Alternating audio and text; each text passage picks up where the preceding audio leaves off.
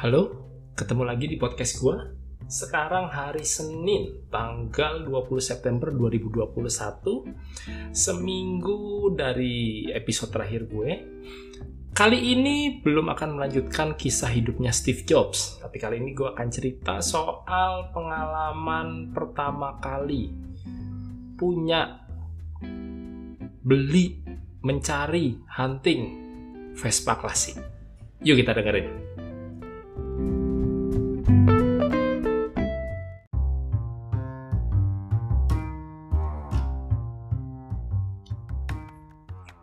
Dari dulu suka motor.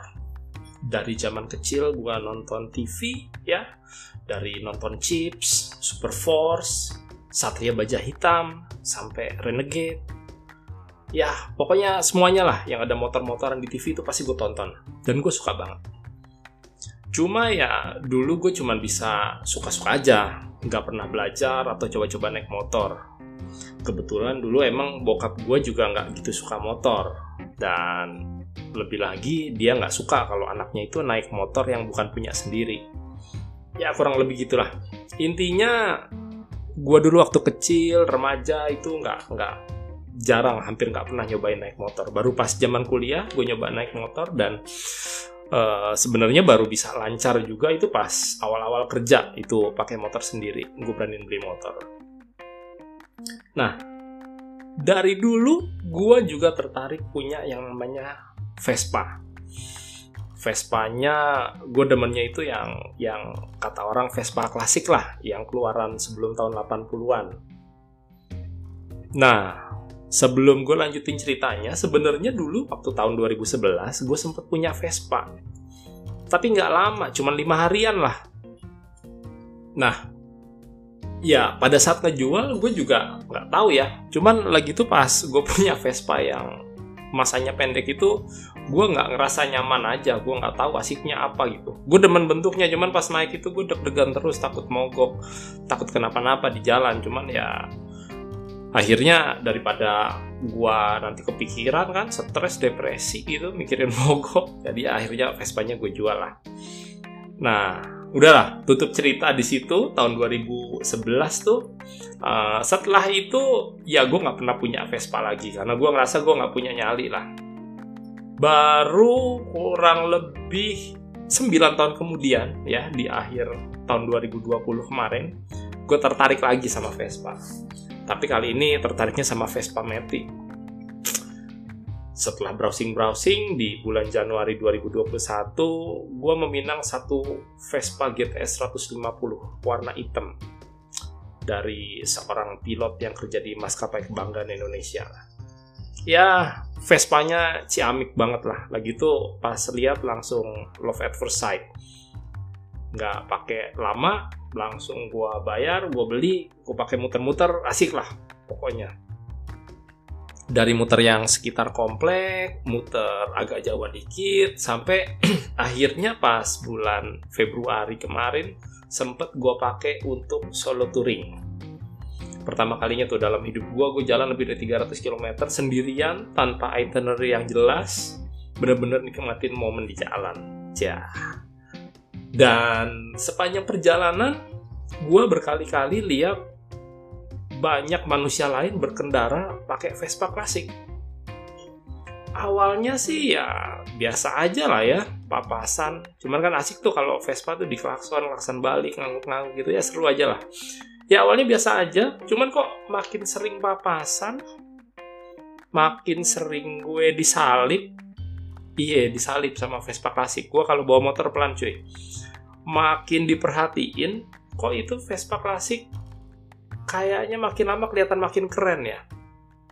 Nggak peduli seperti apa wujud dan penampakan visual manusianya, tapi kalau dia udah di atas Vespa, itu kayaknya keren gitu.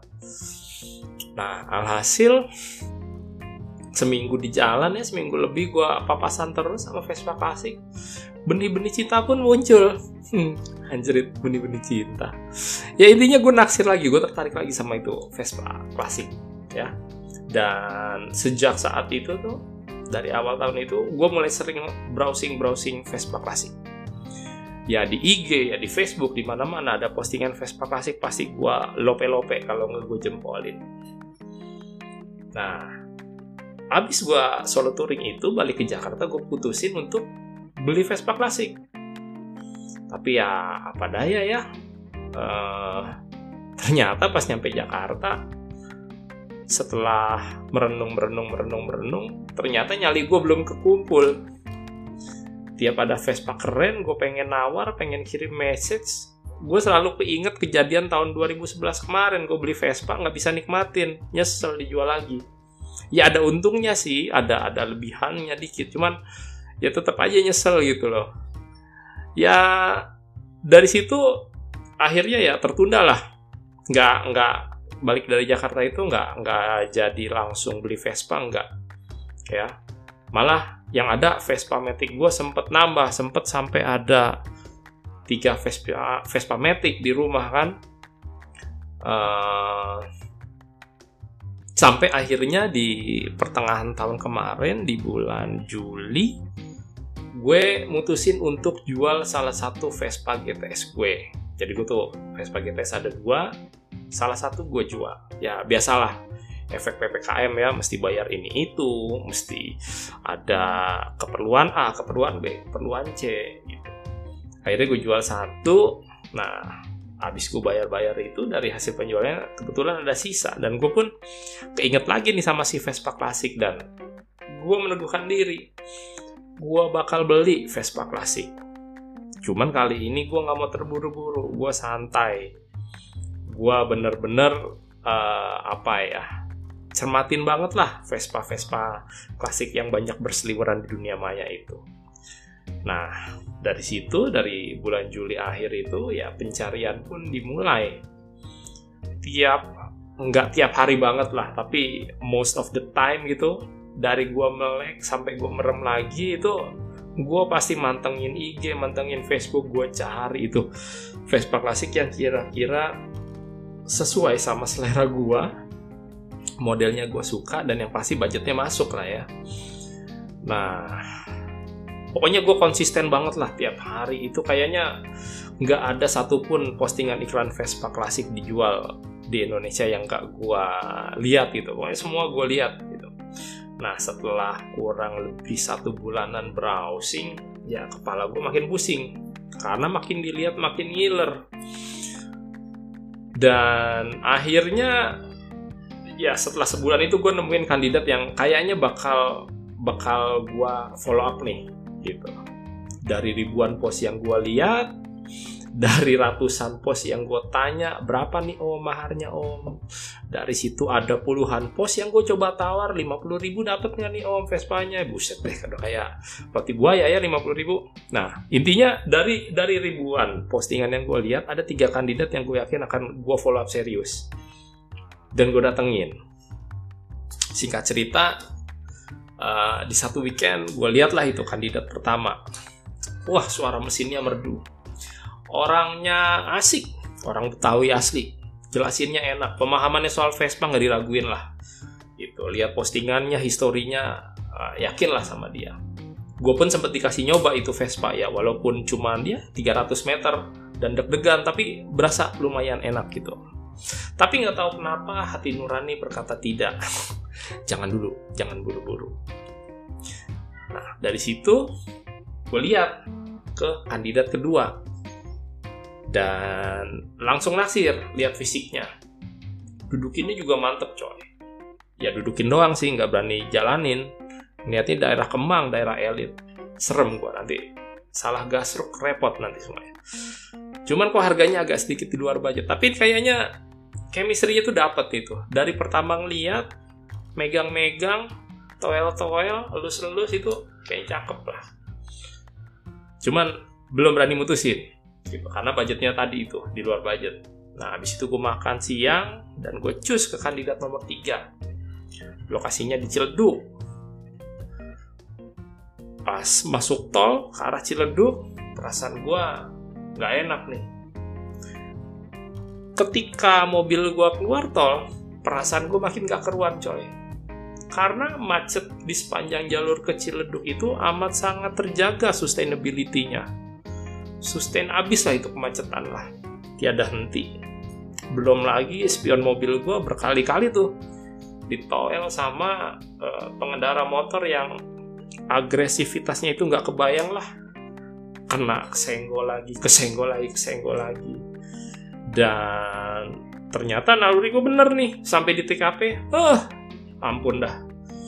Udah deh gak usah diceritain lah kandidat ketiga ya. Pokoknya gue baru nyampe tuh udah pengen pulang lah nah malamnya menimbang-nimbang menghitung-hitung akhirnya gue memutuskan untuk ngambil kandidat yang kedua nih. Sebuah Vespa Super tahun 77 warna hijau. Gua nggak tahu hijau apa sebutannya ya.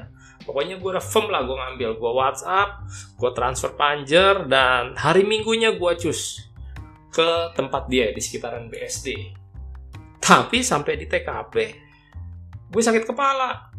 Kenapa? Karena baru nyampe di depan komplek gue papasan sama sellernya. Itu seller sama bokapnya lagi dorong Vespa karena bengkel. Katanya banjir nggak mau nyala. Waduh pusing lah gue anjir itu udah gue panjar. Gue udah jauh-jauh kemari boncengan kan. Mau ngambil Vespa eh Vespanya mogok. Ya tiba-tiba itu trauma 10 tahun lalu muncul lagi. Ah ini apaan lagi orang mau ijab kabul malah mogok udahlah intinya singkat cerita gue ngikut ke bengkel gue nggak tahu itu di bengkel diapain ganti busi dan lain-lain ya tapi ya, alhamdulillah dalam waktu singkat dia nyala lagi. Kita pun konvoy ke rumah si seller. Gue coba nawar lah, karena gue masih ragu-ragu ya. Tapi ya, mereka ngeyakinin bahwa ini mesinnya sehat kok. Ini murni karena keteledoran si sellernya. Malam dia nyampe katanya keran bensinnya lupa ditutup. Alhasil besok siangnya banjir dan nggak mau nyala. Mesti ganti busi bla bla bla gitu. Uh, karena gue ragu gue bilang ya udah deh sini gue coba dulu gue dikasih izin lah nyoba itu Vespa gue muter-muter komplek 15-20 menit sampai akhirnya gue bener-bener yakin wah ini enak juga nih Vespanya enak mesinnya enak suaranya enak ngegasnya enak ganti koplingnya juga enak. Ya udahlah. Akhirnya gue yakin bahwa ini Vespa bakal gue bayar. Dan gue yakin kayaknya nih Vespa bisa gue bawa pulang nih sampai Depok nih. Nah, ya singkat cerita akhirnya itu Vespa parkir di rumah gue semenjak minggu lalu. Ya, dan setelah seminggu terakhir gue conditioning sama nih Vespa, hari Sabtu kemarin tanggal berapa tuh? Tanggal 18 Sabtu kemarin ya, 18 September. Itu perdana itu Vespa gue coba pakai untuk jalan-jalan santai. Dan rasanya wah, rasanya asik banget. Nggak nyesel lah. Pokoknya asik banget. Nggak ada rasa tidak nyaman yang gue gua rasain 10 tahun lalu waktu pertama kali itu gue minang Vespa ya. Yang ini enak banget. Walaupun sebenarnya di seminggu masa conditioning itu udah lumayan lah ups and downs-nya. Tapi nggak usah diceritain panjang lebar lah. Intinya seminggu seminggu itu Vespa di rumah uh, banyak kepanikan banyak keraguan banyak penyesalan. Sampai akhirnya gue udah ikhlasin ya emang ini gue beli buat hobi bukan buat macem-macem dan gue juga nggak nggak dalam kondisi terburu-buru gitu. Akhirnya ya seminggu dikondisikan ya gue udah sempet ngerasain panik. Mesin mati pas lagi macet dan gak bisa disela gue udah sempet ngerasain apa ya uh, mesin gak mau nyala. Sampai gue mesti bayar 200 ribu buat storing ke bengkel. Ternyata sampai di bengkel sama teknisinya dia melakukan apa yang gue lakukan di rumah cuman sama gua dua jam gak nyala nyala sama dia tiga menit nyala. Gua nggak paham lah kenapa itu. Nah tapi ya seminggu terakhir itu gue menikmati lah prosesnya. Ke bengkel nanya ngobrol ketemu uh, Vespa entusias yang lainnya gitu. Setelah konsultasi sana sini dikomentari beberapa mekanik beberapa ahli ya tentang tentang dunia per pervespaan gitu di dikomentarin sama orang lain juga ternyata rata-rata memberikan penilaian bahwa ini motor gue katanya sehat dan asik. Dan ya itu terbukti waktu hari Sabtu kemarin gue jalan-jalan naik Vespa itu. Pokoknya asik banget lah gue enjoy banget. Padahal sebelumnya ya gue udah bertahun-tahun nggak pernah naik Vespa gitu loh. Dan ada satu hal yang gue pelajarin dari sini ya uh, dari dari ups and downs itu dari masa pengkondisian dari trauma gue dulu punya Vespa ya. Sebenarnya kalau kalau di di dilihat lagi urusan mesin itu perkara gampang ya. Soal soal spek aksesoris atau part itu bisa diakalin. Banyak yang jual gitu soal Vespanya busuk secara visual wah itu no problem lah. Ganteng bisa di touch up. Tapi soal chemistry dan keyakinan bahwa pilihan lo itu benar dan lo siap ngadepin segala kepusingan di perjalanan itu cuma lo yang bisa mutusin. Dan itu amat sangat butuh apa ya keteguhan dari uh, kata hati lo kalau kata hati lo sudah firm, bilang yakin, ya insya Allah segala kepusingan itu pasti bisa lah dilewatin. Sama seperti gue sama Vespa hijau ini. Ya. Dan sampai saat ini gue sudah sangat bisa menikmati kasihkan jalan sama ini Vespa, lengkap dengan segala kekurangannya. Semoga gue awet sama nih Vespa ya. Nggak tahu e, berjodohnya berapa lama, tapi moga-moga bisa awet Buat temen-temen yang mau lihat penampakan Vespa gue, di episode ini juga ada versi YouTube-nya. Langsung aja cus ke channel YouTube-nya. Kita ngobrol lagi di episode berikutnya. Makasih buat yang udah dengerin. Assalamualaikum.